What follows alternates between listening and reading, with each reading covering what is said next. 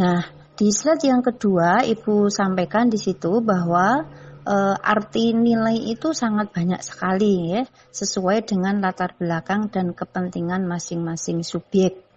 Nah, nilai dapat diartikan sebagai suatu kemanfaatan, sebagai kegunaan, sebagai sebuah harga, sebagai mutu, sebagai apa ya, e, cantik, sebagai apa lagi ya, besar kecilnya barang, banyak sedikitnya barang. Nah, itu semuanya e, tergantung dari latar belakang dan kepentingan masing-masing. Ya, jadi pada saat tertentu seseorang akan mengatakan sesuatu itu bernilai kalau berguna. Pada saat lain orang akan mengatakan sesuatu itu bernilai kalau harganya ada harganya, dilihat dari harganya, mahal atau tidak mahal.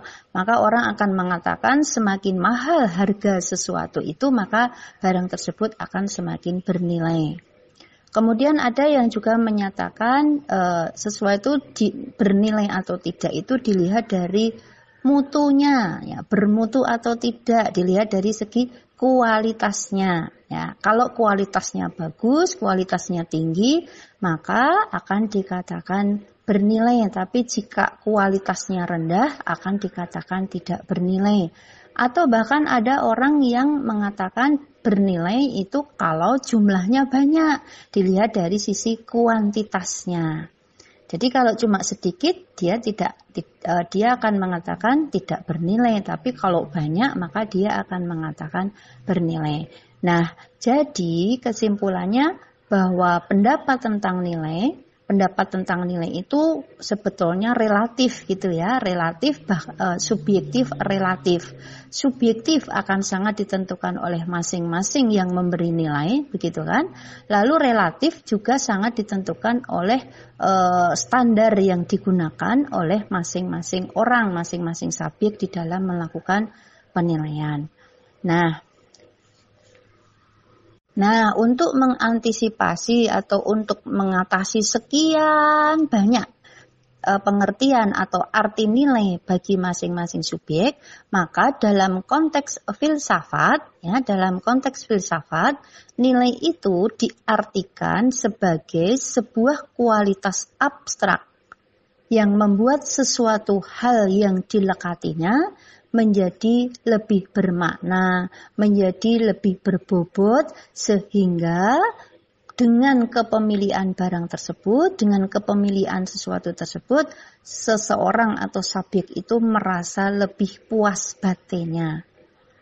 Ya, jadi sebuah kualitas abstrak yang melekat kepada sesuatu hal yang membuat sesuatu yang dilekatinya itu menjadi lebih dibandingkan yang lainnya dengan kepemilian sesuatu yang lebih tersebut, maka orangnya atau subjek yang memilikinya merasa puas batinnya.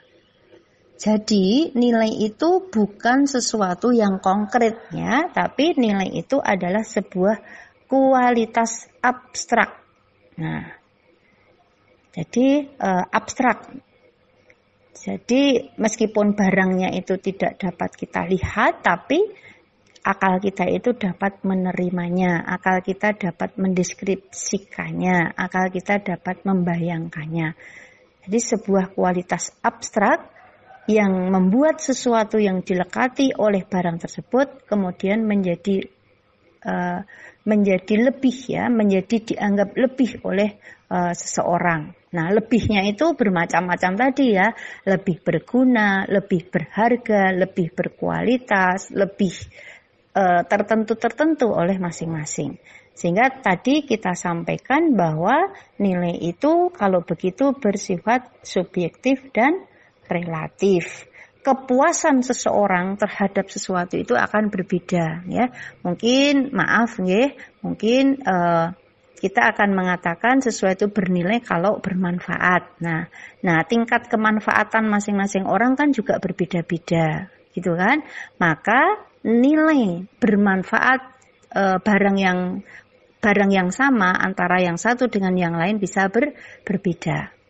E, apalagi barang yang berbeda begitu kan. Bagi seorang mahasiswa buku itu adalah sangat bernilai. Tapi bagi bukan mahasiswa mungkin tidak bernilai. Ya biasa saja. Melihat buku itu biasa saja. Ke toko buku melihat judul-judul itu biasa saja. Tapi bagi seorang akademisi seorang mahasiswa begitu ke toko buku melihat buku itu waduh ini bagi dia adalah bernilai semuanya dan rasanya kepingin dibeli semuanya. Kenapa? Karena dengan buku-buku itu nanti kalau dia membaca, kalau dia memiliki akan merasa lebih dirinya dan merasa tadi puas gitu. Oke. Nah, kemudian kita lanjut slide 3. Jadi nilai itu sekali lagi bukan bukan sesuatu yang konkret ya, bukan terlihat di KHS itu nanti IP-nya tertulis 3,9. Itu bukan nilai dalam hal ini, tapi itu adalah medianya nilai. Nah, nilai yang sesungguhnya yang mana? Nilai yang sesungguhnya adalah terletak kepada kepuasan si pemilik nilai tersebut. Kepuasan si pemilik IP 3,9 itu. Dia merasa puas tidak? Dia merasa merasa mantep tidak? Merasa huh atau tidak dengan kepemilikan 3,9 itu? Kalau dengan 3,9 itu justru dia merasa uh, ada pertanyaan-pertanyaan dalam dirinya, ada masih ada ketidakpuasan-ketidakpuasan atau bahkan mungkin e, muncul pertanyaan dalam dirinya kok iso yo aku dapat 3,9 IP-nya. Nah, itu berarti meskipun angkanya indeks prestasi itu 3,9 tapi belum bernilai bagi dirinya. Kenapa? Karena belum mampu memberikan kepuasan batin kepada dirinya. Sebaliknya, barangkali ada yang IP-nya 3,2 ya. Tapi dia merasa puas dengan IP 3,2 tersebut. Maka meskipun angkanya 3,2 lebih rendah dibandingkan dengan 3,9, tapi dia merasa puas, merasa cocok dengan hasil upayanya belajar selama ini dan merasa puas, merasa nanti bisa mempertanggungjawabkan dengan 3,2 itu, maka 3,2 itu bernilai bagi mahasiswa tersebut. Nah, slide tiga, maka sifat nilai itu ada tiga. Yang pertama abstrak, ya. Jadi meskipun uh, tidak ada bendanya, ya, meskipun kita sekarang ini tidak melihat uh, barangnya, tapi kita dapat uh, akal kita, ya, akal kita itu dapat menerimanya. Misalnya uh, jujur gitu ya, jujur Meskipun meskipun kita tidak melihat jujur itu seperti apa, meskipun kita sedang tidak melihat perilaku seseorang yang jujur, tapi akal kita itu bisa menerimanya. Akal kita itu bisa mendeskripsikannya. Nah, itu abstrak. Dan dengan jujur kita itu biasanya akan memiliki kepuasan tersendiri Silakan dicoba ya. Kalau kalian mengerjakan sesuatu dengan jujur, meskipun hasilnya tidak paling tinggi, tapi pasti akan ada kepuasan di dalam diri kita. Nah, ini abstrak namanya. Oke. Lalu yang kedua, sifat nilai itu adalah tidak dapat berdiri sendiri. Nilai itu membutuhkan tracker membutuhkan pembawa, membutuhkan media. Jadi nilai itu tidak dapat ansih kita lihat sendiri. Seperti apa toh? Jujur, seperti apa toh? E, putih, seperti apa toh? E, apalagi ya? E, adil, kita tidak pernah mak bendundu gitu ya melihat adil itu merah, melihat adil itu hijau, melihat adil itu uh, bunder, melihat adil itu uh, uh, segi empat, jujur itu putih. Kita nggak pernah melihat itu semua. Kita tidak pernah bisa melihatnya. Kita baru bisa melihat jujur, kita baru melihat adil, kita baru melihat uh, apa ya nilai-nilai uh, yang lain itu pada saat jujur, adil, disiplin, dan yang lain-lainnya itu melekat pada sesuatu. Melekat pada tracker, melekat kepada pembawa, melekat kepada medianya. Nah, Itu yang kedua, ya. Jadi nilai itu tidak dapat berdiri sendiri karena dia dia abstrak dan tidak dapat berdiri sendiri. Artinya kita tidak akan pernah melihat nilai itu ada, tapi kita baru bisa melihat nilai kalau nilai itu ada pada sebuah barang, ada pada sebuah perilaku, ada pada sebuah tindakan.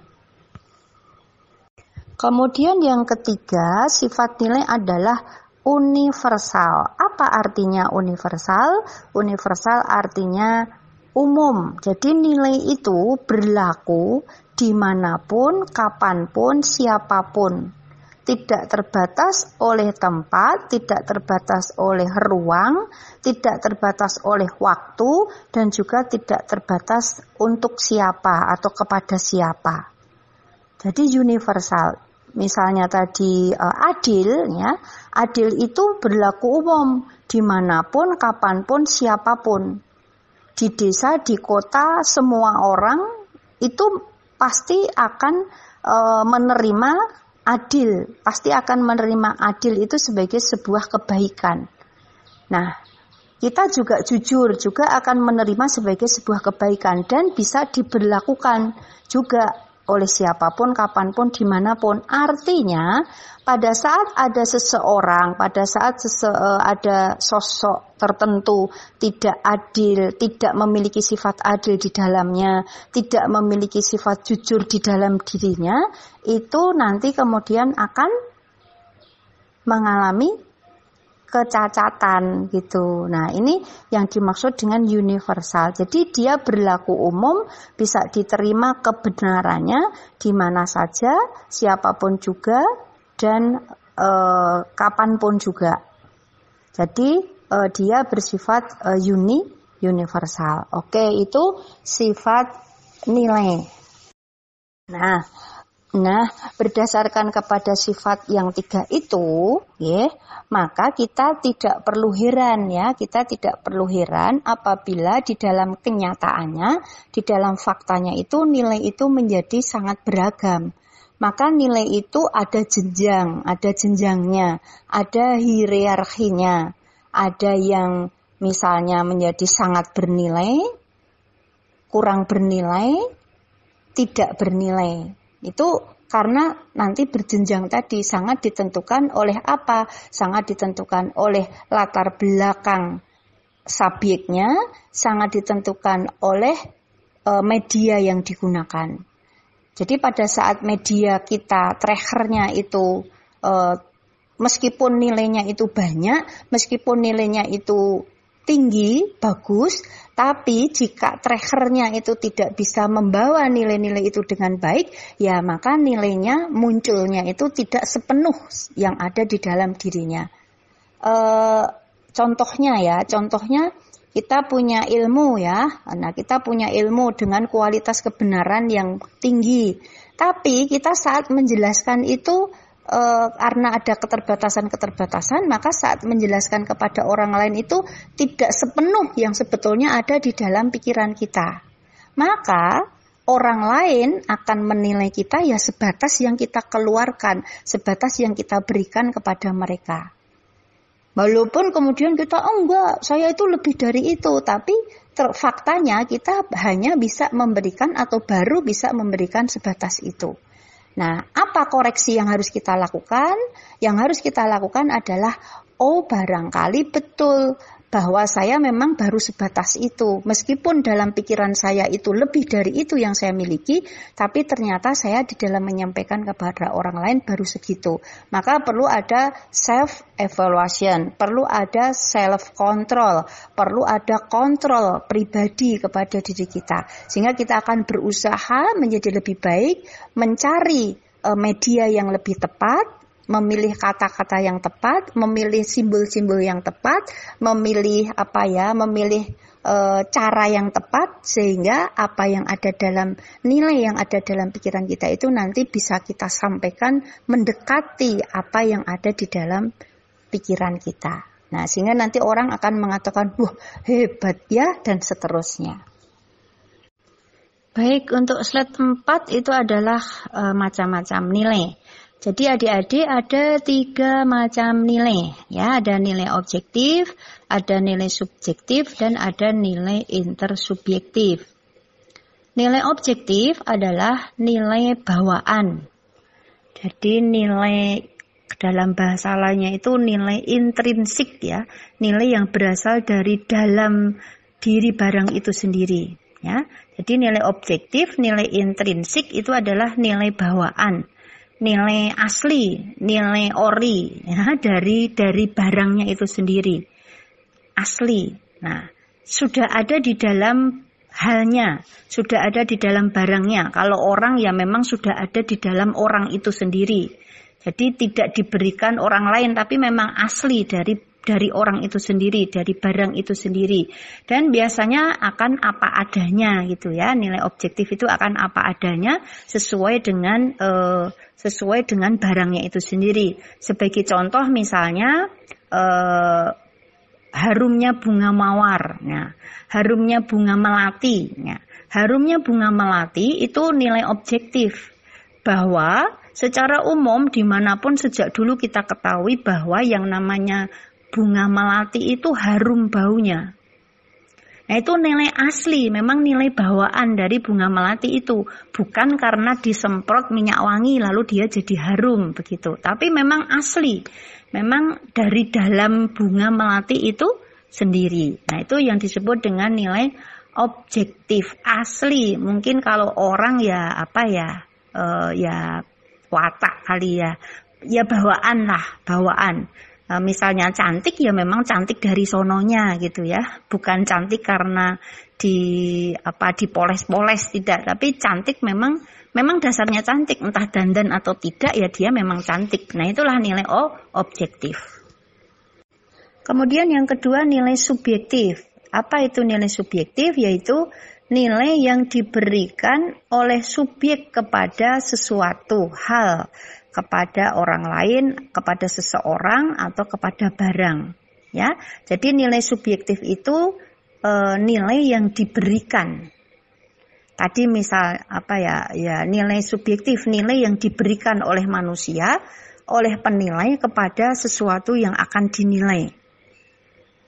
Nah, dia nanti bersifat subjektif dan bersifat relatif. Mengapa? Karena masing-masing subjek, masing-masing orang di dalam memberikan penilaian itu pastinya tadi akan sangat dipengaruhi oleh e, keterlibatan seseorang itu kepada benda tersebut, sangat ditentukan oleh latar belakang e, pengetahuannya, latar belakang pendidikannya, juga akan sangat ditentukan oleh e, e, tadi kepentingannya, juga akan sangat ditentukan oleh kemampuan apa ya uh, kemampuan dirinya ya kondisi diri dari orang tersebut. Misalnya tadi bunga melati. Bunga melati itu kan objektifnya memang harum gitu ya. Tapi karena kondisi seseorang itu sedang flu kondisi seseorang itu hidungnya sedang tersumbat, maka tidak bisa memberikan bau terhadap bunga melati itu, ya dia akan mengatakan coba ini dibau, enggak, enggak harum itu, enggak ada harumnya sama sekali. Karena apa? Karena kondisinya dia sedang sedang uh, hidungnya tersumbat, sedang tidak memiliki uh, kemampuan untuk membau dengan baik. Apalagi orang yang sedang corona ya, katanya orang corona itu tidak bisa uh, penciumannya tidak jalan gitu ya. Ya dia akan tidak tidak ada bau apa-apa dari bunga melati tersebut. Nah, itu nilai sub subjektif. Jadi nanti nilai subjektif ini akan sangat beragam, akan sangat berbeda-beda. Tadi ditentukan oleh oleh uh, sangat ditentukan oleh keterlibatannya, sangat ditentukan oleh kepentingannya, sangat ditentukan oleh uh, apa e, pengetahuannya, pendidikannya sangat ditentukan oleh apa mau yang terakhir sangat ditentukan oleh kondisi kondisi dirinya, sangat ditentukan oleh kondisi masing-masing su, subjek. Nah, itulah nilai subjektif. Nah, e, jadi kalau begitu bagaimana Bu? Kalau begitu, kita itu jangan keburu keburu-buru memberikan sebuah nilai final kepada sesuatu.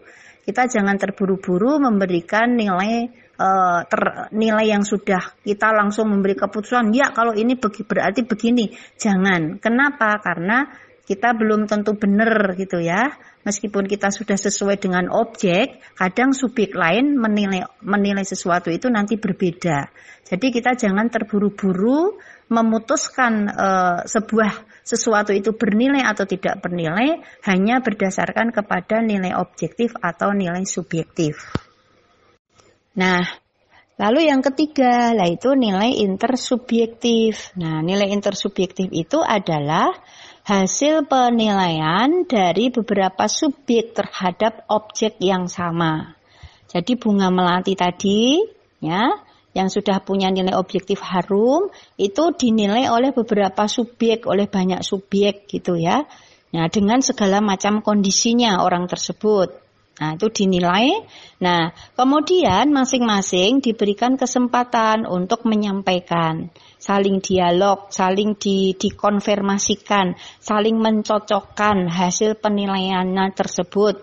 Nah, hasil penilaian tersebut kemudian dimusyawarahkan, dikomunikasikan sehingga sampai kepada satu penilaian yang berdasarkan kepada beberapa penilaian subjek tadi. Nah, penilaian secara intersubjektif ini atau nilai intersubjektif ini akan relatif lebih objektif ya, lebih objektif kebenarannya dibandingkan dengan nilai subjektif dan nilai objektif. Ya, tadi implementasinya ya kalau uh, kita membahas sesuatu, ya kita membahas kebenaran sebuah uh, kebijakan misalnya ya, kita akan menilai sebuah kebijakan, ya. Maka kita jangan hanya kepada nilai objektifnya kebijakan itu, jangan juga hanya berdasarkan kepada nilai subjektif saya terhadap kebijakan tersebut, tapi kita harus membicarakan kebijakan tersebut dari berbagai subjek atau oleh berbagai subjek. Kemudian berbagai subjek tersebut hasil penilaiannya terhadap kebijakan itu seperti apa, dirumuskan, dimusyawarahkan. Nah, itulah nilai yang akan lebih objektif dibandingkan dengan nilai-nilai subjektif dan objektif terhadap kebijakan tersebut. Nah, sehingga penilaian kita itu nanti bisa e, dipertanggung jawabkan baik kepada diri kita sendiri, kepada sesama orang lain dan terlebih kepada Tuhan. Lanjut adik-adik, slide 5. Ya. Slide 5 adalah hubungan antara nilai dengan norma. Ya. Tadi nilai itu adalah sebuah kualitas abstrak ya yang membutuhkan tracker, pembawa, dan bersifat universal.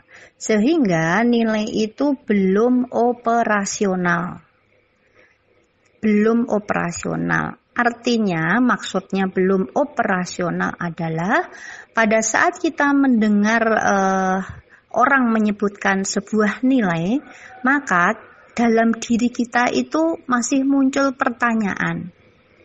Misalnya, nggih, kita mendengarkan, eh, ayo semuanya kita harus jujur. Nah, pada saat kita mendengar himbauan untuk kita harus jujur, itu belum operasional. Seperti apa, harus bagaimana, gitu kan? Nah, artinya jujur itu belum operasional, adil itu belum operasional, disiplin itu belum operasional. Nah, bagaimana untuk bisa operasional, untuk bisa dilaksanakan? Maka butuh petunjuk Nah, butuh petunjuk. Nah, petunjuk itulah yang kemudian disebut dengan aturan. Petunjuk itulah yang kemudian disebut dengan norma. Ya, jadi norma, aturan itu merupakan petunjuk bagi manusia, petunjuk bagi kita untuk mengoperasionalkan nilai, untuk mewujudkan nilai. Contoh, uh, nilai religius, maka kita diberikan petunjuk dengan adanya norma agama, aturan-aturan di dalam agama kita. Pada saat kita itu mempelajari dan kemudian mentaati norma-norma agama kita, maka kemudian kita akan bisa mewujudkan nilai religiusitas yang ada di dalam agama tersebut, dalam agama yang kita anut. Nah, nanti kan macam-macam normanya, aturannya bermacam-macam. Gimana yakat, gimana puasa, bagaimana sholat, dan sebagainya. Banyak sekali, termasuk sebagai contoh lain misalnya adil gitu ya. Adil, adil itu kalau mau dioperasionalkan kan perlu ada normanya, perlu ada aturannya. Nah, adil yang di mana? Adil yang di sekolah, adil yang di rumah, adil yang di masyarakat, adil pada diri sendiri, nanti itu aturannya, petunjuknya, normanya akan berbeda-beda. Jadi, satu nilai itu nanti akan membutuhkan banyak norma, akan membutuhkan beberapa norma, beberapa aturan untuk agar nilai itu kemudian dapat diimplementasikan atau dapat dioperasionalkan di dalam kehidupan. Jadi kesimpulannya apa hubungan nilai dengan norma? Norma adalah e, petunjuk, norma adalah e, derivasi, norma adalah aturan yang memudahkan, yang mempermudah nilai-nilai itu terwujud di dalam kehidupan real masyarakat. E, sehingga nilai itu kemudian menjadi operasional nilai itu kemudian bisa dilaksanakan. Maka di sana dibutuhkan yang namanya norma atau aturan. Nah, adik-adik, kekeliruan yang sering terjadi adalah kekeliruan yang sering terjadi adalah nilainya benar, tapi di dalam merumuskan normanya, di dalam merumuskan aturannya itu tidak benar. Nah, ini yang mengakibatkan nanti dalam perealisasiannya itu menjadi tidak sesuai dengan nilai yang sesungguhnya. Jadi, saat kita mempunyai nilai, kemudian kita akan mengimplementasikan dalam realisasi kehidupan kita, maka kita harus betul-betul cermat teliti di dalam merumuskan norma, merumuskan aturan, atau di dalam memilih aturan atau memilih norma. Jangan sampai kita merumuskan aturannya itu salah. Jangan sampai kita merumuskan normanya itu keliru, aturannya keliru. Nah, kalau merumuskan norma atau merumuskan aturannya itu keliru, salah, menyimpang dari nilai, maka yang terjadi adalah nilai menjadi tidak terwujud di dalam kehidupan kita. Nah, sebagai contoh kita masuk di slide nomor 6. Nah, dalam slide 6 ini eh, Ibu sampaikan eh, contoh nilai dan norma ya. Kita Pancasila ya, nilai-nilai di dalam Pancasila Ibu contohkan. Nah, nilai ketuhanan itu lalu dijabarkan dalam norma agama, membutuhkan norma agama. Jadi jangan sampai norma agama yang kita pahami itu keliru sehingga mengakibatkan pemahaman kita terhadap nilai ketuhanan atau penjabaran nilai ketuhanan itu menjadi salah. Barusan kemarin kita ya melihat di uh, mana kemarin di gereja katedral Makassar ya. Itu ada kekeliruan di dalam menerjemahkan nilai ketuhanan bagi mereka gitu ya. Sehingga di, dia memiliki satu norma, memiliki satu aturan. Kalau orang itu uh, melakukan bom bunuh diri itu adalah jihad, nanti itu masuk surga.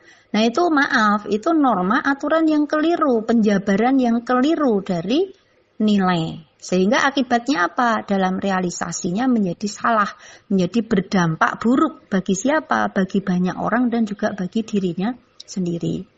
Kemudian nilai yang kedua, nilai kemanusiaan terjabarkan atau perlu di perlu dijabarkan dengan norma sopan santun, dengan norma so, sosial. Nah, ini kan relatif nanti ya, masing-masing aturan norma masing-masing daerah itu nanti bisa berbeda-beda. Agama tadi juga begitu, masing-masing agama juga nanti aturannya berbeda.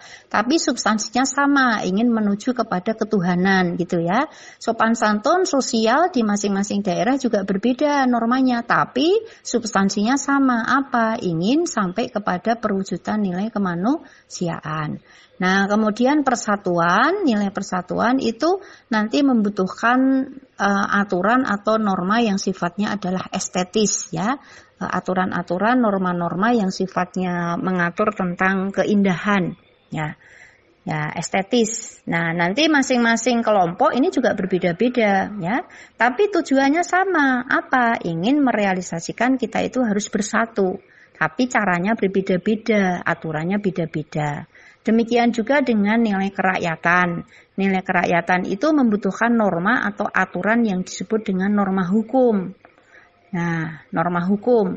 Norma hukum itu kan banyak sekali ya, terutama di dalam hal demokrasi itu e, tentu saja di Indonesia secara umum sama, tapi kemudian kalau masuk ke masing-masing itu akan berbeda-beda. Nah, ini norma hukum. Makanya jangan dalam membuat norma hukum jangan sampai keliru penjabarannya jangan sampai menyimpang dengan yang disebut nilai kerakyatan yang sesungguhnya.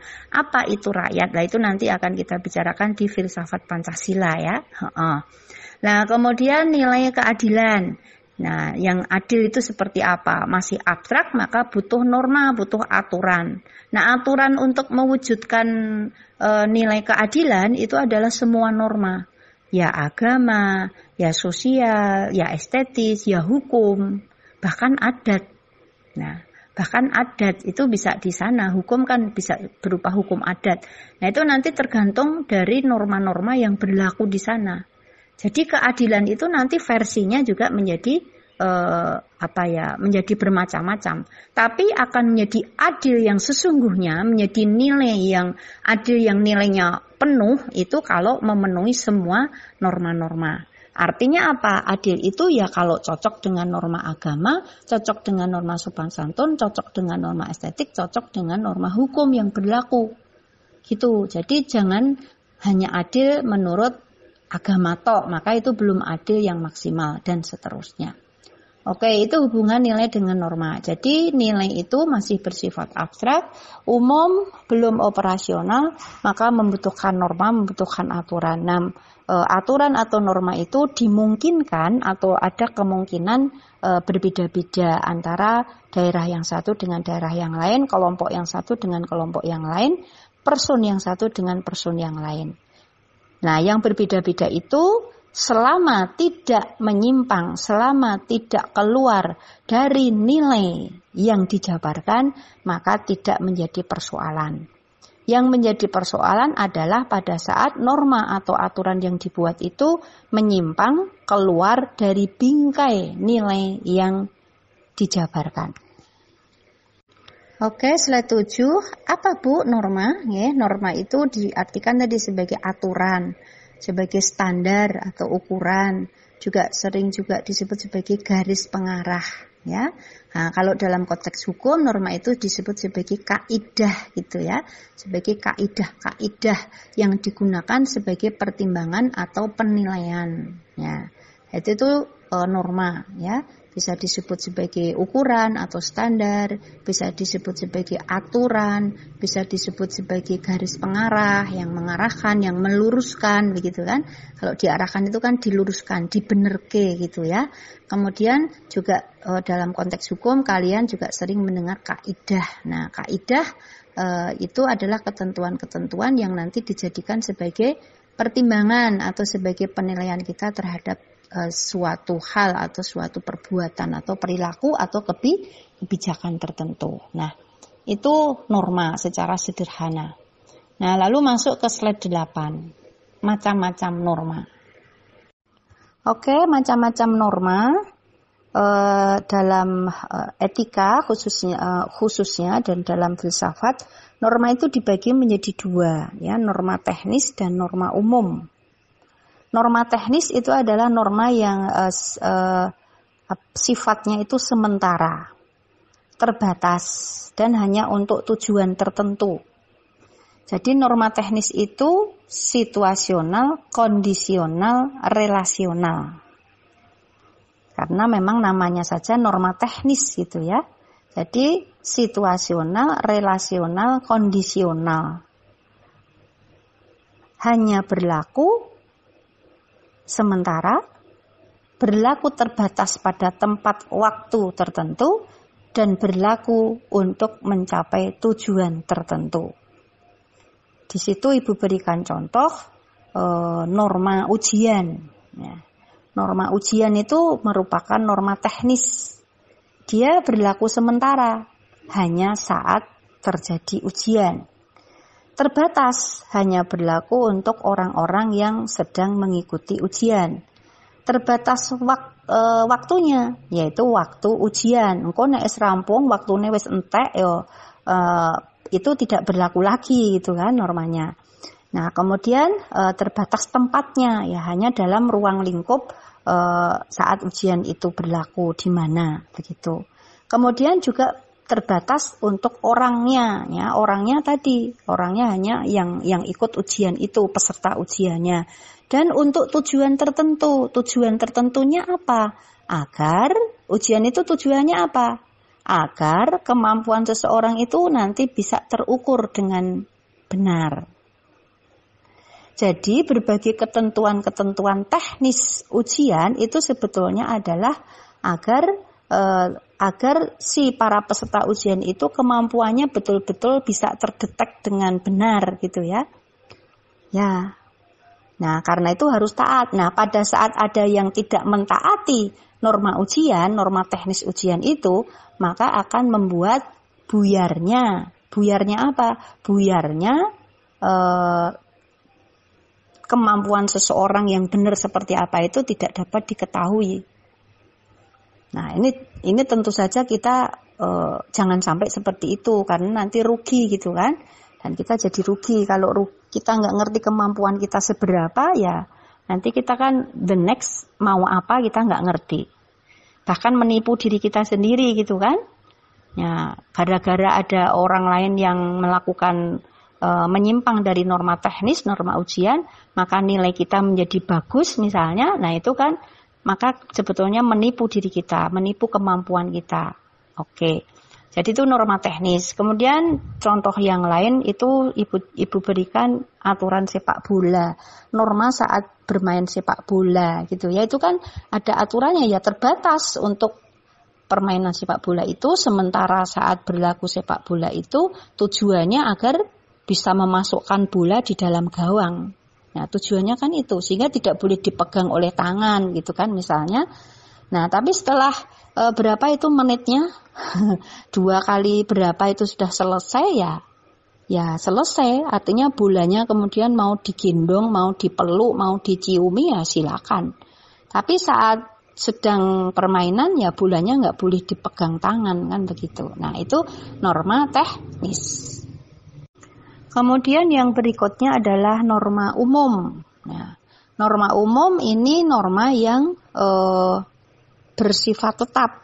Kalau tadi sementara loh. Nah, kalau norma umum itu bersifat tetap, tetap, eh, tetap ya tidak berubah, tidak berubah. Jujur, eh, disiplin, terus norma hukum, norma agama, sosial, apa sopan santun itu normanya umum, artinya tetap ada gitu ya, bukan tetap bukan tetap apanya ya, bukan tetap uh, substansinya gitu ya, bukan tetap perwujudannya, tapi tetap tetap keberadaannya. Keberadaannya itu tetap ya di mana pun kapan pun itu selalu ada begitu. Tapi kalau norma ujian tadi kan hanya ada saat ujian gitu kan. Nah tapi kalau norma umum itu entah ada sepak bola atau tidak ada sepak bola, entah ujian atau tidak ada ujian, norma itu tetap ada.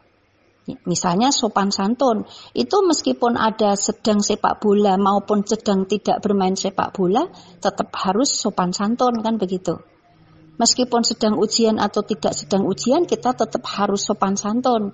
Itu namanya norma umum. Jadi keberadaannya yang bersifat tetap. Lalu yang kedua tidak terbatas. Jadi dia berlaku di mana pun, kapan pun, dan siapa pun. Maka dia tidak terbatas oleh tempat, waktu, ataupun orang. Jadi di mana pun, kapan pun, siapa pun hmm, akan ada, akan berlaku e, norma umum tersebut. Nah, kalau kalian e, e, masih ingat di dalam mata kuliah PH, PIH ya kali, nah itu norma umum itu antara lain meliputi di slide 9. Jadi e, norma umum itu ada norma moral. Ya, Norma moral itu apa? Aturan yang berasal dari sanubari, dari hati sanubari kita tentang yang baik dan yang buruk. Nah, itu ada norma moral itu ada di mana-mana kan? Meskipun kita sedang sendirian, kita sedang apa pun ya ada ada kriteria baik dan buruk yang muncul di, dari hati sanubari kita. Nah, kalau kita melanggar norma moral itu apa sanksinya? Sanksinya sanksi psikologis, sanksi psikologis, sanksi psikis. Sanksi itu pertama kali berasal dari diri kita sendiri. Jadi orang lain mungkin nggak tahu, tapi diri kita tahu nomor satu itu. Tadi misalnya apa ya, uh, apa misalnya melakukan maaf, misalnya uh, susila, misalnya atau apa, tadi tidak menghormati orang lain, gerundeli orang, apa uh, apa lah itu yang paling tahu adalah diri kita sendiri. Tadi berbohong, nah itu yang paling tahu adalah diri kita sendiri. Orang lain mungkin nggak nggak tahu, tapi diri kita tahu. Maka sanksinya adalah sanksi psikologis, sanksi sanksi moral begitu.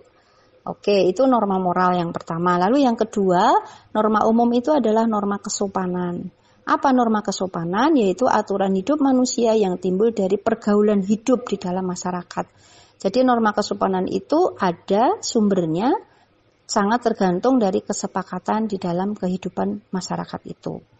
Nah, jadi sopan dan tidak sopannya masing-masing daerah itu akan ber, berbeda, kriterianya akan berbeda-beda. Nah, eh, mm, norma kesopanan itu jika dilanggar apa sanksinya?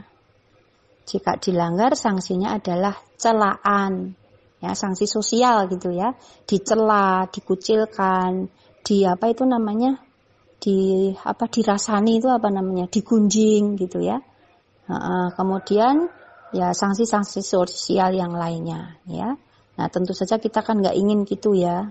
Bahkan mungkin di apa senengnya di, di ya itulah sanksi sosial dibiarin dicuekin dan seterusnya nah itu norm karena kita melanggar norma kesopanan yaitu aturan-aturan yang berasal dari pergaulan hidup kita di dalam masyarakat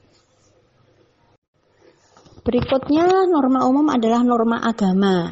Ya, norma agama. Norma agama adalah aturan hidup manusia yang berasal dari wahyu.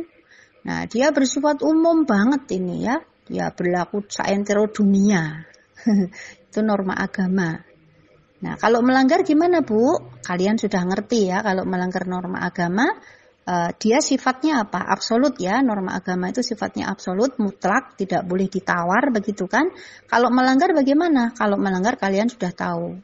Sanksinya adalah dosa, gitu kan? Sanksinya adalah dosa, neraka. Nah, itu norma agama.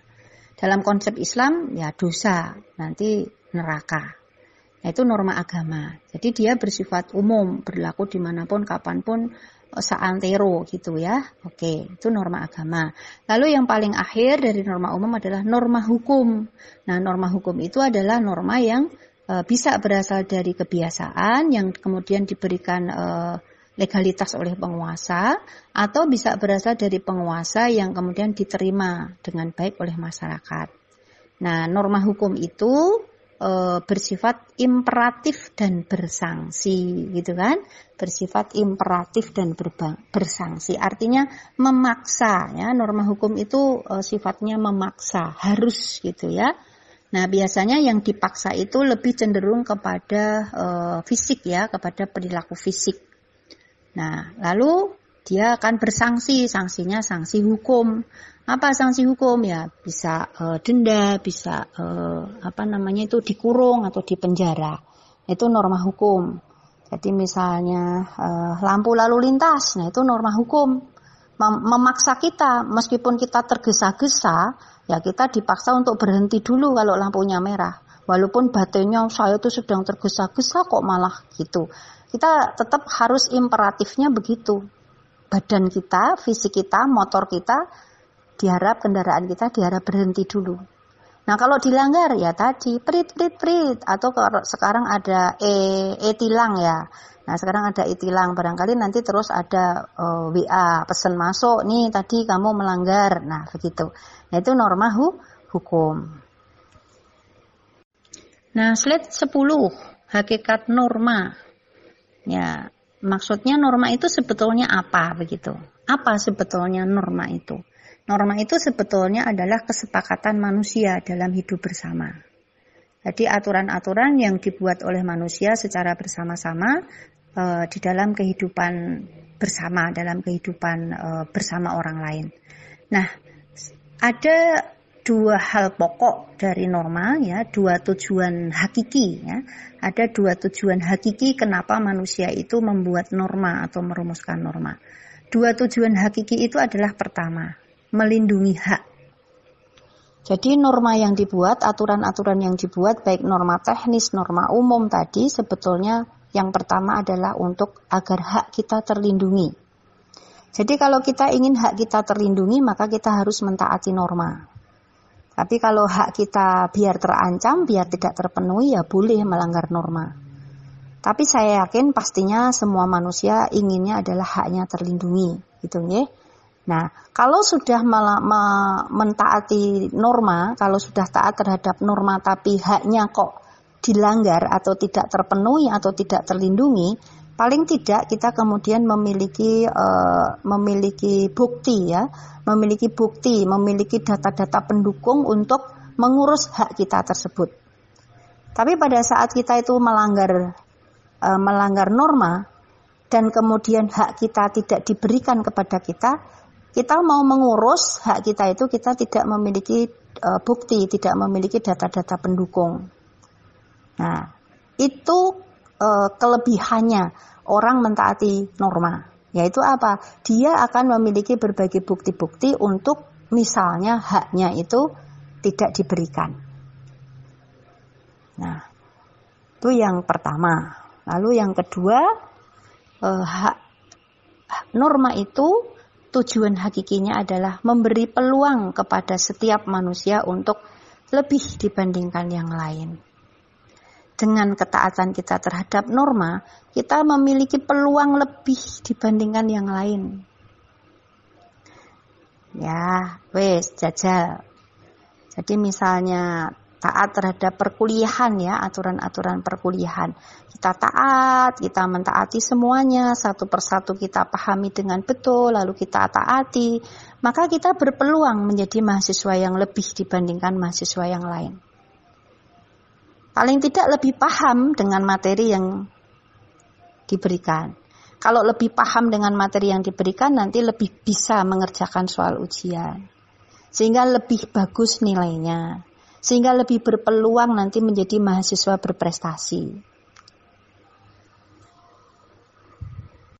Jadi, kalau kita ingin menjadi orang yang berpeluang lebih, ingin menjadi orang yang sukses, maka pastinya kita harus mentaati norma. Kalau kita ingin hak kita terlindungi, pastinya kita juga harus mentaati norma. Oke, slide terakhir 11 macam norma dari segi berlakunya, ada norma hipotetis dan ada norma kategoris. Nanti silakan dibaca ya yang panjang itu. norma hipotetis dan norma kategoris. Norma hipotetis adalah begini. E, norma hipotetis itu adalah e, seseorang itu mentaati norma itu kalau ada syaratnya. Ada syarat-syarat dari luar dirinya. Jadi kalau ada syarat-syarat atau ada hal-hal di luar dirinya, maka dia akan mentaati aturan tersebut, akan mentaati norma tersebut. Tapi jika hal-hal dari luar dirinya itu tidak ada, maka dia tidak akan mentaati norma tersebut atau akan ya melanggar atau ya biasa saja. Contohnya ya, pada saat ujian yang luring misalnya ya, uh, alah nggak usah ujian lah. Tadi kita lampu polisi tadi, lampu merah, hijau, kuning itu. Wah di sana nggak ada polisi, Wah, apa helmnya dicopot. Kak, jadi saat itu kita hipotetis, saya mau pakai helm kalau di luar diri saya di sana ada polisi. Saya mau berhenti lampu merah, hmm, kalau di situ ada polisinya. Kalau ada CCTV-nya, kalau enggak bablas. Nah, ini norma hipotetis. Jadi saya mau mentaati peraturan-peraturan itu jika ada syarat-syarat yang berasal dari luar diri saya. Kalau itu tidak ada, maka saya ada kemungkinan uh, ingin melakukan pelanggaran. Itu norma hipotetis. Maka rumusnya itu kalau norma hipotetis itu adalah jika titik-titik maka titik-titik. Jika tidak ada polisi maka saya. Jika ada polisi maka saya. Misalnya begitu. Jika ada ujian maka saya belajar. Jika tidak ada ujian saya tidak belajar. Misalnya. Kemudian norma kategoris sebaliknya. Norma kategoris itu adalah jika seseorang mentaati peraturan atau norma itu dikarenakan kesadaran dirinya. Kesadaran apa? Kesadaran akan pentingnya aturan-aturan itu bagi dirinya. Kita taat terhadap aturan perkuliahan karena kita eh, sadar. Sadar apa? Sadar akan pentingnya kuliah itu bagi saya. Kenapa saya taat terhadap pemakaian helm? Karena saya sadar, ngerti dengan kepentingan menggunakan helm tersebut. Apa? Menjaga kepala saya yang cuma satu, yang tidak ada serepnya. Nah, maka saya selalu ke mana-mana pakai helm. Entah dekat, entah jauh, entah ada polisi atau tidak. Jadi norma kategoris itu eh, dia mentaati peraturan-peraturan karena kesadaran kita akan norma-norma tersebut, pentingnya norma-norma tersebut bagi kita. Yaitu tadi, hak saya terlindungi, lalu juga saya memiliki nanti lebih dibandingkan yang lain. Kalau pakai helm ya lebih aman, lebih selamat. Kalau berhenti lebih selamat, lebih aman. Kan begitu. Oke, begitu nggih. Baik, terima kasih Mas Yoga. Alhamdulillah ini sudah selesai rapatnya ya. Ibu bisa pakai VN. Mm -mm. Jadi Mas Yoga uh, memang penjabaran nilai menjadi norma atau menjadi aturan itu bisa saja salah, bisa saja keliru, bisa saja menyimpang dari nilai yang sesungguhnya, bisa saja ya. E, namun pada umumnya ya karena norma atau aturan itu kan dibuat bareng-bareng. Kecuali ada korupsi kebijakan, nah itu maka norma atau aturan itu bisa menyimpang dari nilai yang ada. Nah, E, artinya kemudian kalau aturannya salah, kalau aturannya menyimpang dari nilai, maka otomatis pelaksanaannya kan nanti juga menjadi salah. Nah, bagaimana seharusnya sikap seorang warga negara? Sikap seharusnya seorang warga negara pada saat diajak pada saat diberikan kesempatan untuk memberikan masukan-masukan di dalam proses diskusi perumusan aturan atau norma, maka sebaiknya untuk aktif memberikan eh, masukan-masukan, memberikan pertimbangan-pertimbangan. Jadi jangan jangan apatis atau jangan hanya pasif, jangan hanya diam, tapi kita membuat aturan itu adalah untuk kita bersama, untuk meningkatkan eh, peluang kita untuk menjaga hak-hak kita, maka mestinya kita ikut aktif, ikut memberikan uh, sumbangan pemikiran di dalam perumusan aturan atau norma tersebut. Nah, faktanya dalam konteks kehidupan kita yang aktif memberikan masukan dalam pembuatan aturan, perumusan aturan atau E, norma-norma itu biasanya maaf tanda petik hanya orang-orang tertentu saja hanya orang-orang tertentu saja sehingga otomatis ide-ide yang ada di dalam aturan atau di dalam e, norma tersebut ya hanya ide-ide ide-ide dari uh, orang-orang tertentu tersebut. Yang lain diam, kadang masyarakat diam. Maka edukasi yang kedua apa yang harus dilakukan oleh uh, warga, apalagi kalian sebagai mahasiswa PPKN, maka edukasi uh, uh, keaktifan, edukasi rasa handarbeni sebuah kelompok untuk membuat aturan sehingga kelompok itu menjadi bagus ya harus dilakukan.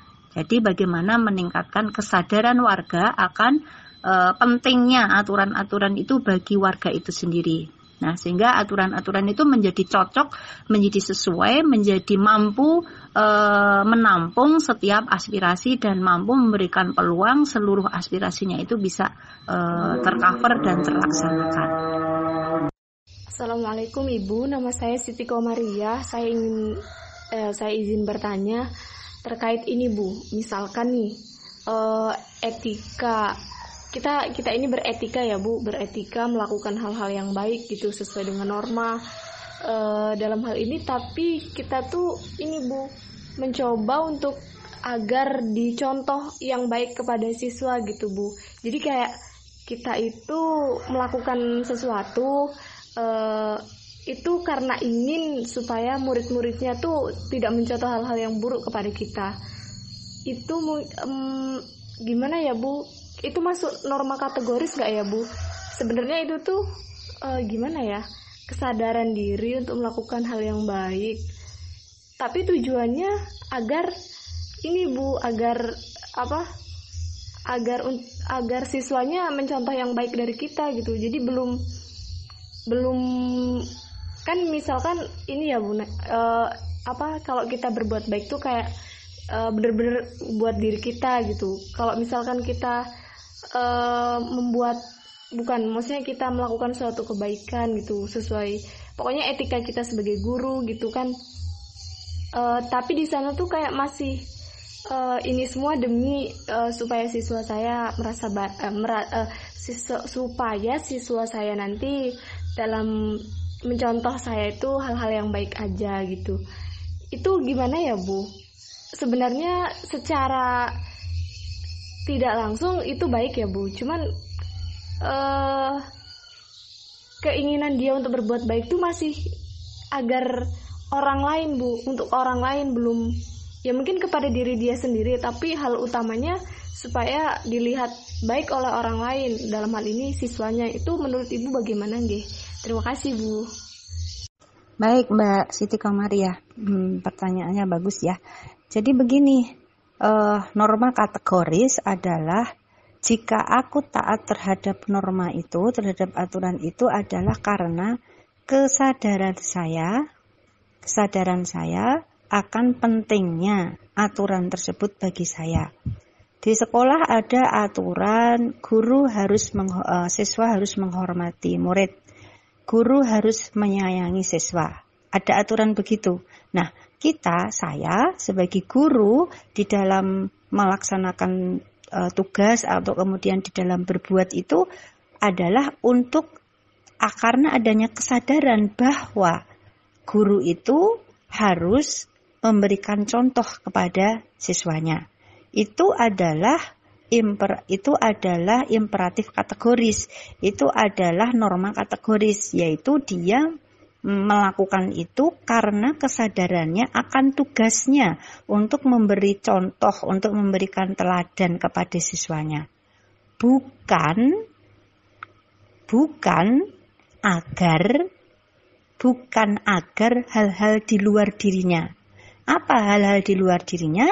Misalnya karena agar disanjung, agar dipuji, agar nanti bisa menjadi uh, dihormati oleh siswa, kemudian dipuji oleh guru-guru lain. Bukan itu. Kalau nanti gurunya nggak memuji, kalau nanti siswanya itu tidak taat atau tidak mencontoh, maka kemudian dia akan putus asa atau kemudian tidak akan memberi memberi uh, tidak akan berperilaku baik lagi.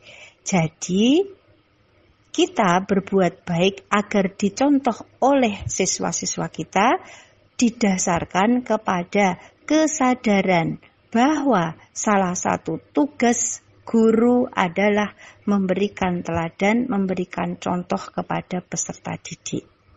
Itu muncul dari dalam, bukan dari luar, bukan karena faktor-faktor eksternal dari luar kita.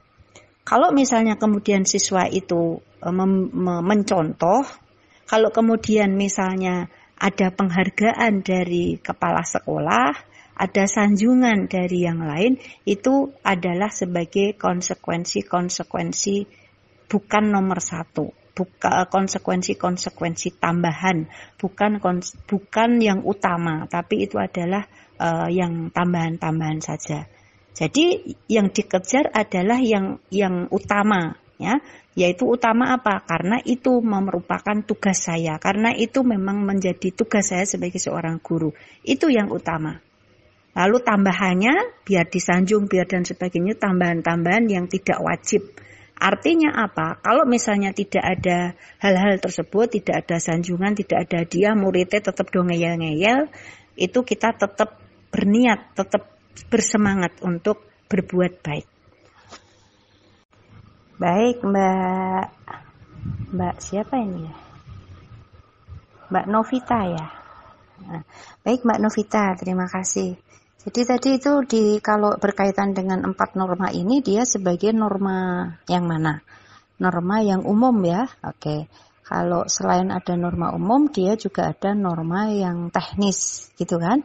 Nah, norma teknis itu adalah norma yang e, sifatnya sementara, terbatas, tertentu untuk kepentingan tertentu.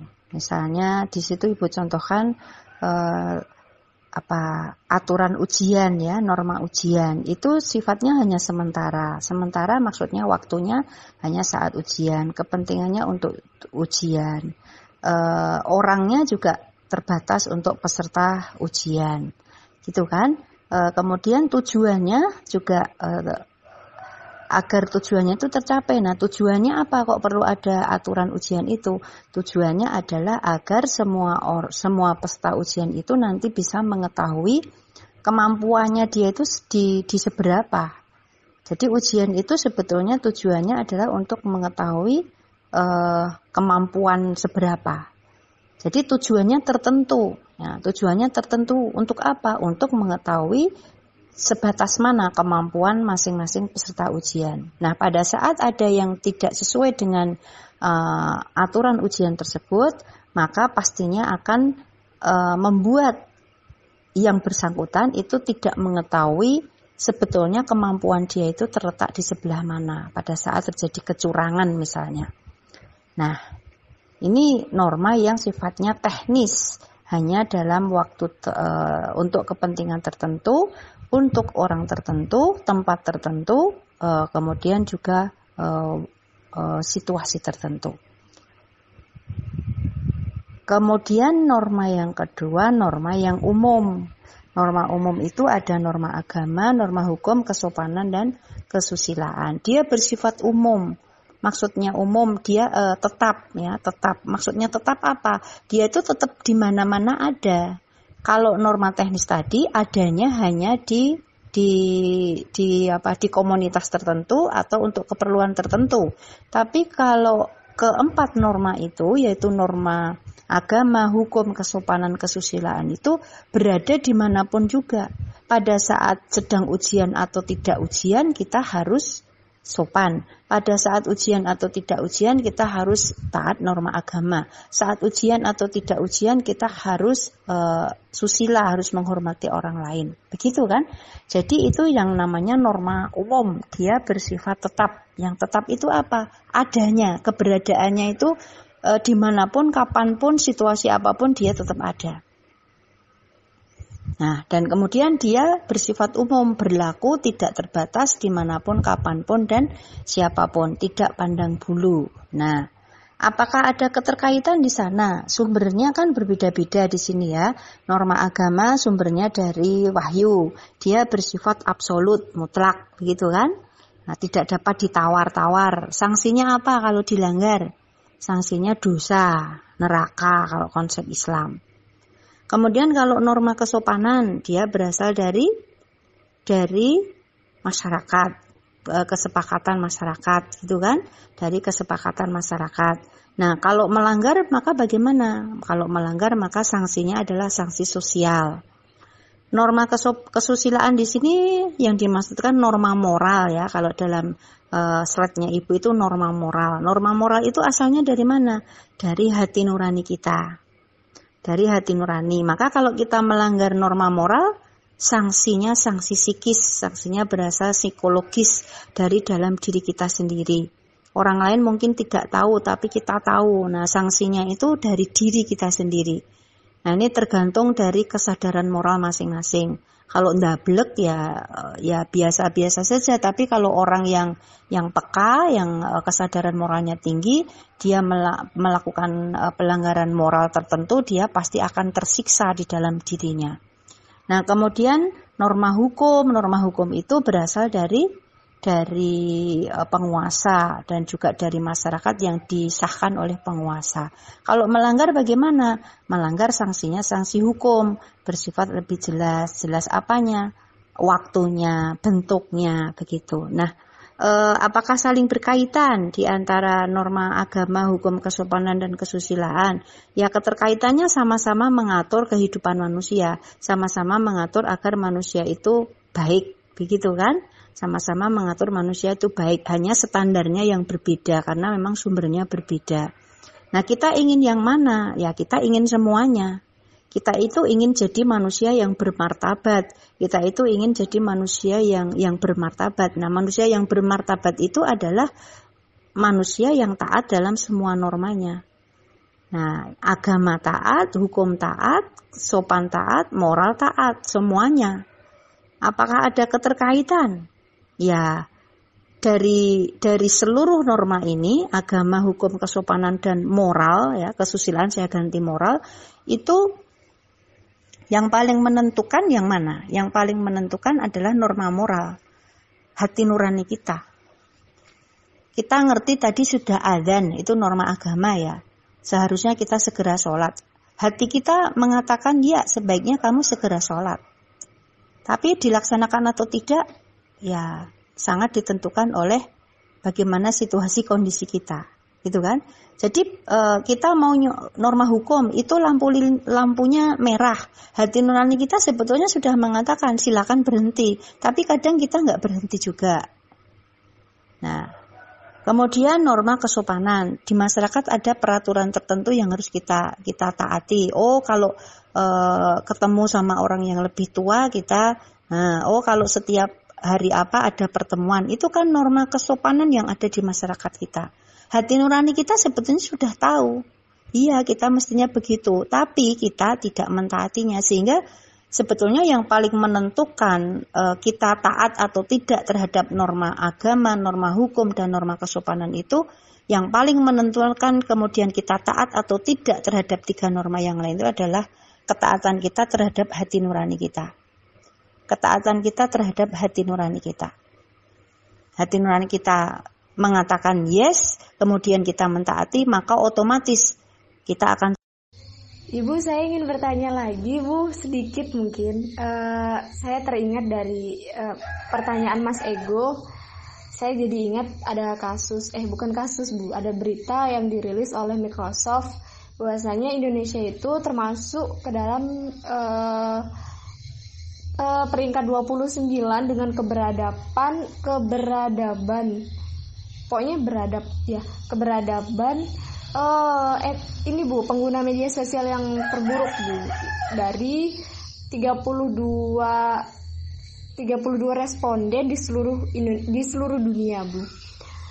Uh, padahal kan Bu kita kan udah ada uh, apa ya Bu PPKN ya yang membahas tentang good citizen terus pokoknya di dalam PPKN juga kan udah udah dimaksimalkan gitu supaya uh, rakyat Indonesia ini menjadi uh, apa ya jadi jadi rakyat yang baik gitu gitu bu. Bukan hanya di Indonesia tapi di seluruh dunia.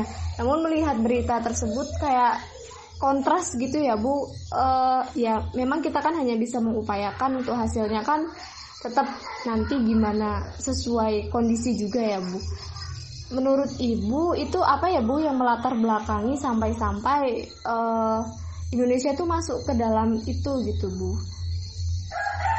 Dengan ya itu bu biasa itu kalau di apa di di beritanya itu uh, hasil apa hasil um, hasil penelitiannya itu menyebutkan bahwa bukan penelitian hasil apa sih bu namanya hasil apa uh, ya itulah pokoknya.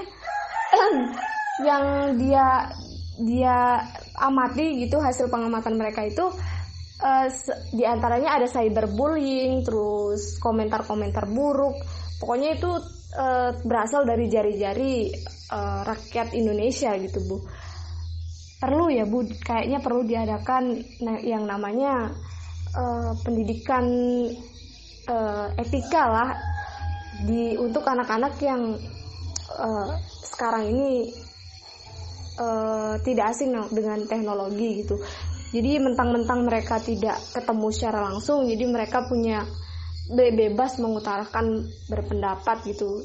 Sebenarnya ini juga kalau dilaporkan ke UE, UU ITE mungkin juga bisa masuk ya Bu. Namun uh, kan tidak semua semua itu bisa masuk ke dalam sistemnya uh, yang apa dari pengambil kebijakan yang UU ITE ini Bu. Kalau tidak dilaporkan sepertinya tidak tidak ada masalah gitu. Tapi namun tetap saja e, rekam jejaknya gitu Bu. Kayak Indonesia nih gitu banget gitu di mata dunia apalagi gitu kan.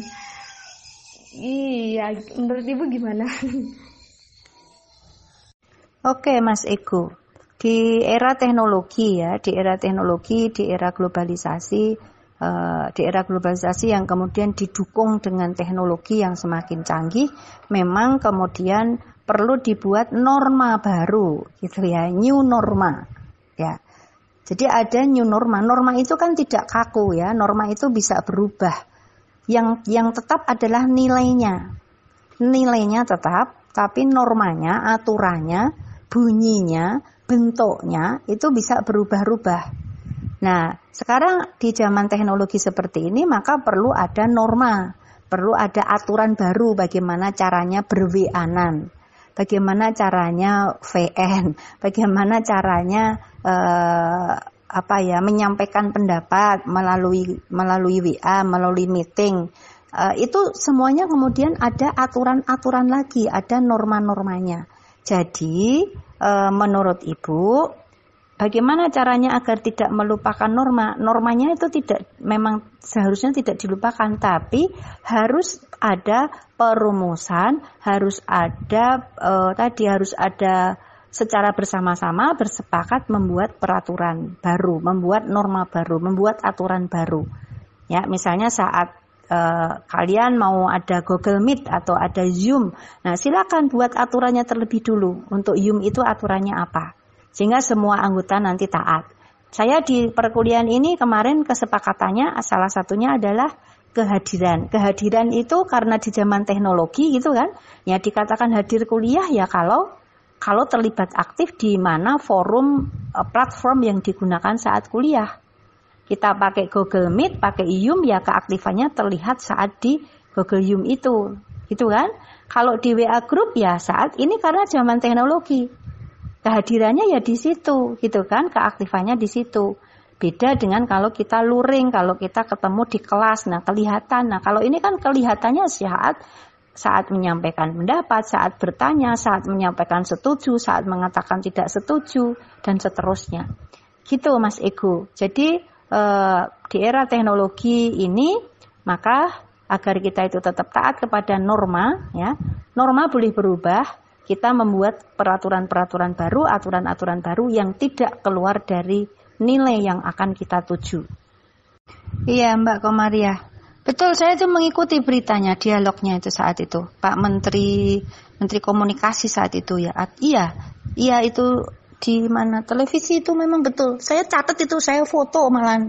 Ini tak cari-cari fotonya mah belum belum ketemu ini. Betul memang Indonesia di urutan 29 dari 32 negara paling tidak etis di dalam menggunakan media sosial. Itu kan dilihat dari hoax ya, dilihat dari adanya hoax-hoax yang seperti itu. Kemudian maaf nih TikTok TikTok. Maaf ya, kadang kadang aduh uh, ah er, ah ngomongnya ya kayak gitulah kalian tahulah. Gitu ya. Ya, uh, terus eh, komentar-komentar terhadap itu tidak menggunakan bah ya maksudnya itu guyon tapi guyonnya itu terlalu kebablasan gitu ya. Terlalu terlalu kebablasan. Mestinya tidak demikian. Maka Uh, sebaiknya menurut ibu undang-undang ITE itu tidak sekedar tidak sekedar mengatur apa ya tidak sekedar mengatur Mm, suara-suara dari masyarakat melalui teknologi yang yang berkaitan dengan uh, dengan dengan hukum, dengan politik, dengan maaf ya, dengan uh, kredibilitas uh, negara dan pemerintahan, tetapi termasuk undang-undang ITE ini sampai uh, mengatur tentang bagaimana uh, apa ya indikator-indikator dikatakan sopan ya indikator-indikator e, bahwa seseorang itu sudah menggunakan media sosial dengan sopan. Nah itu perlu perlu ada. Nah ini yang yang jadi memang betul itu e, kita di urutan 29 dari 32 sebagai negara yang aduh tidak paling tidak uh, apa tidak etis gitu ya di dalam menggunakan media sosial. Makanya hati-hati ya. Jadi kita hmm, gunakan tetap dengan menggunakan bahasa yang benar, bahasa yang baik dan kalau memang kita tidak bisa ngomong yang baik lebih baik uh, kita diam. Kan itu uh, tapi kalau ngomongkan kita baik ya lebih baik ngomong gitu. gitu ya. Jadi oke. Okay. Terima kasih Mbak Siti Komaria. Ya saya jadi diingatkan. Wah itu saya bilang wah itu mata kuliah saya. Saya foto itu data-datanya itu. Tapi lupa ini tak taruh di sebelah mana, mungkin mah kehapus juga bisa ini. Oke, makasih nih Mbak Kemaria. Nah untuk Mas Ridwan itu tentang pajak ya, kesadaran membayar pajak itu ketaatan terhadap norma hukum ya.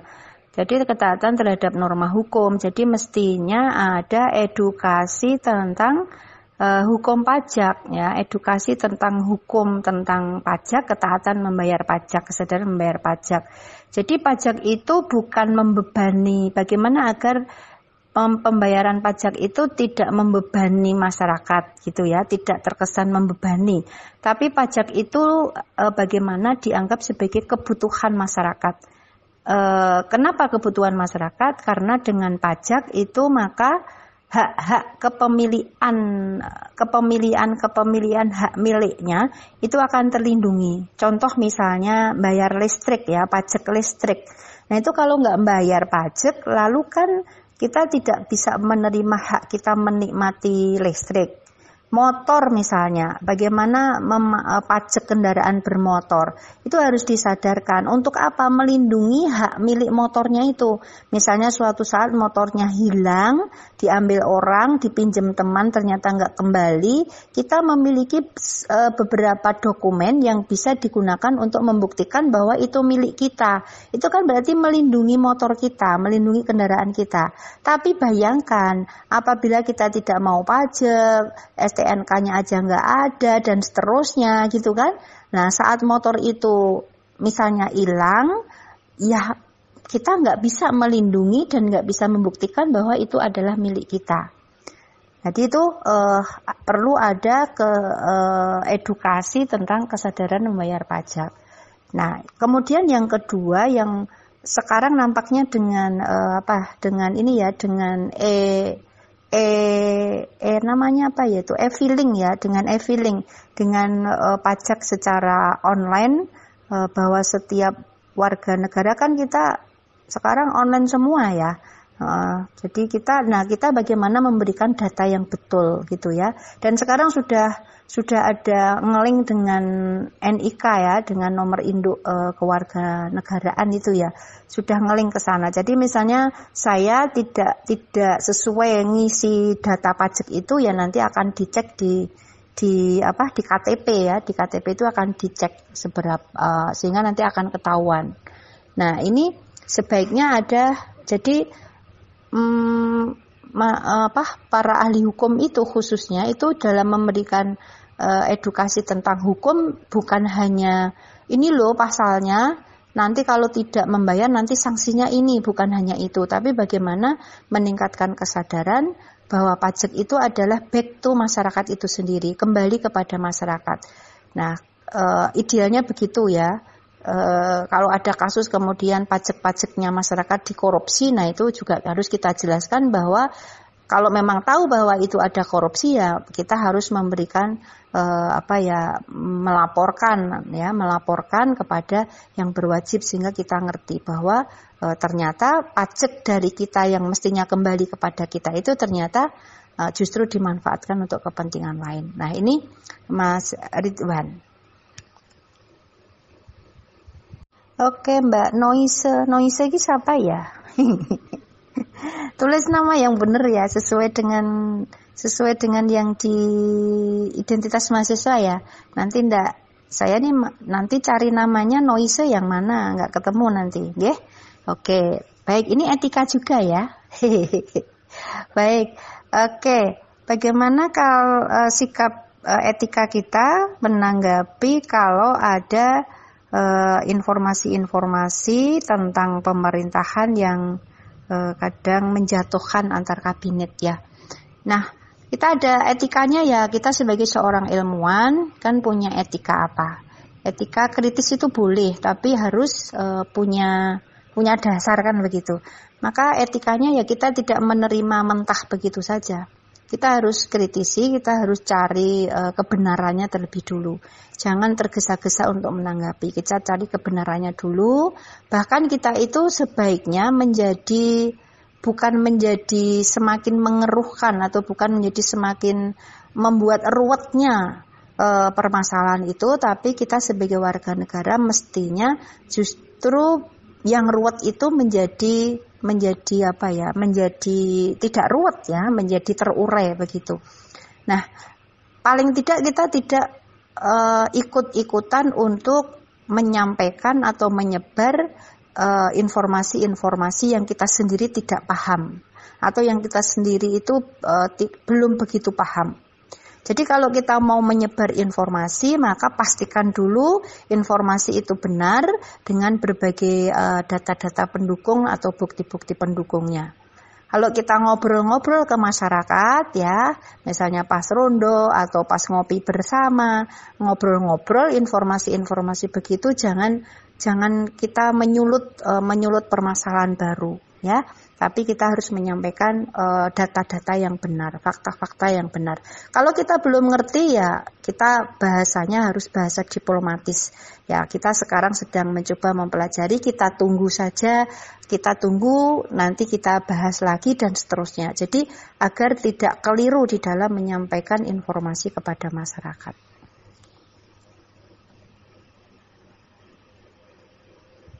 Ya sebagai contoh itu ya kasusnya si siapa ini? Si Demokrat misalnya ya. Siswa Demokrat kasusnya kemudian ya jadi ada ya jangan sampai kita oh, tidak tahu tapi ngomong gitu ya. Ya kita tahu kita ngomong yang tahu saja. Kalau pengen ngomong ya berarti kita harus kejar uh, informasinya dulu dengan benar. Baik Mbak Retna. Faktor-faktor yang mempengaruhi kita itu uh, salah di dalam menerjemahkan nilai menjadi norma ya. Ya, karena satu uh, memang kita tidak paham betul dengan nilai itu. Mengapa tidak paham? Karena kita hanya memahami nilai itu secara subjektif. Hanya menurut aku, menurut saya. nah, kalau kalau nilai itu hanya saya pahami menurut saya ya jelas itu gagal paham. Kenapa? Karena nilai itu bukan hanya berlaku untuk saya, tapi nilai itu adalah berlaku untuk banyak orang. Maka saat saya memahami nilai belum selesai, saya harus coba konfirmasikan dengan pihak lain, dengan orang lain. Nah, Apakah benar pemahaman saya tentang jujur itu seperti ini? Kalau menurut kamu bagaimana? Menurut yang lain seperti apa? Oh, baru kemudian dirumuskan. Kalau begitu, jujur saat kuliah itu begini. Jujur sebagai seorang pedagang seperti ini. Jujur sebagai petani begini. Jujur sebagai ibu seperti ini. Jujur sebagai anak seperti ini. Nah, itu harus di, di dialogkan, dikomunikasikan. Itulah yang namanya uh, nilai intersubjektif. Jadi menil, e, memberikan penilaian kepada satu hal dari beberapa orang berdasarkan kepada hasil musyawarah, hasil komunikasi bersama, dialog bersama. Tentu saja dalam dialog bersama ini juga dibutuhkan apa? Dibutuhkan satu e, pemikiran yang yang benar ya, pemikiran yang benar, Buk, e, objektif, bukan karena kepentingan-kepentingan e, kelompok atau kepentingan subjek itu sendiri. Nah, itu, jadi itu satu. Yang kedua, sangat juga dipengaruhi oleh latar belakang pendidikan ya. Latar belakang pendidikan itu akan sangat mempengaruhi ya. Bagaimanapun juga penguasaan ilmu, e, pengalaman itu akan menentukan seseorang di dalam berkomunikasi, di dalam berdialog, begitu kan? Nah, makanya ya semua harus di semua harus ditangkap nanti seperti apa. E, itu satu karena karena pengeta uh, ilmunya, kemudian yang kedua karena masih subjektif tadi. Karena masih subjektif, lalu yang kedua karena uh, faktor pengetahuan atau faktor pendidikan. Kemudian yang ketiga adalah faktor keterlibatan. Jadi faktor keterlibatan. Pada saat kita itu uh, keterlibatan kita keterlibatan kita dengan benda, keterlibatan kita dengan aktivitas, keterlibatan kita dengan seseorang itu tidak maksimal, sangat sedikit, ya, tidak proporsional, maka kita bisa saja memberikan e, penilaian yang salah. Nah, ini penting gitu ya. Jadi pada saat saya itu tidak memahami Mbak Retno, saya itu keterlibatan saya dengan Mbak Retno itu sangat sedikit terbatas ya. Saya nanti akan memberikan penilaian kepada Mbak Retno itu uh, ha, hanya sebatas saya tok gitu. Sehingga bisa salah gitu kan, bisa keliru. Maka kalau saya ingin memberi penilaian kepada Mbak Retno dengan benar, maka saya harus uh, mencoba untuk mengenal terlebih dulu Mbak Retno itu dengan baik mengenal dengan lebih dekat terlebih dulu, baru saya akan bisa memberikan. Nah ini faktor-faktor seperti itu yang menyebabkan kadang uh, penilaian kita jadi keliru sehingga aturan yang kita buat juga salah. Nah ini sering dalam uh, kita menilai kebijakan-kebijakan itu ya. Kadang karena kita belum begitu paham dengan kebijakan itu ya sehingga kita menilainya juga menjadi salah. Seperti saya itu ya kadang sok diskusi sama anak saya itu jadi rame itu. Itu kok begini toh kebijakannya itu kok begini. Ternyata e, versinya orang ekonomi berbeda anak saya orang ekonomi berbeda.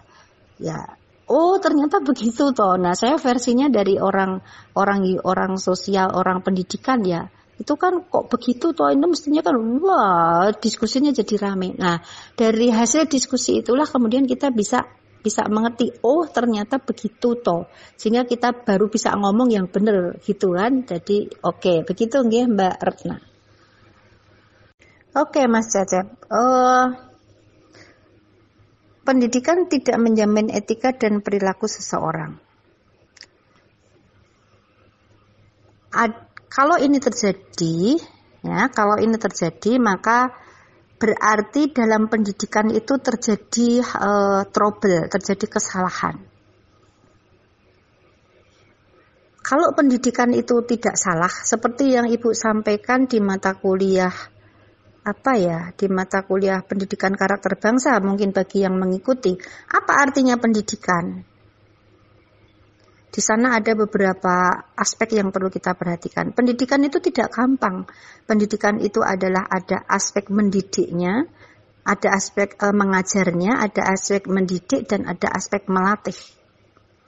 Kalau itu dilakukan semuanya dengan benar, dengan evaluasi juga yang benar, ya, evaluasinya komprehensif, pastinya orang yang berpendidikan itu etikanya bagus. Kenapa orang berpendidikan koruptor? Karena ada sesuatu yang salah di dalam dirinya. Dia salah memanai pendidikan atau pendidikan dulu yang dia peroleh salah sehingga dia tidak tidak bisa mendidik dirinya, dia tidak bisa melatih dirinya sehingga tidak bisa menghabituasikan dirinya menjadi orang yang baik. Jadi ini menurut Ibu tamparan ya, tamparan bagi kita-kita orang pendidikan. Artinya apa? Bahwa pendidikan kita gagal.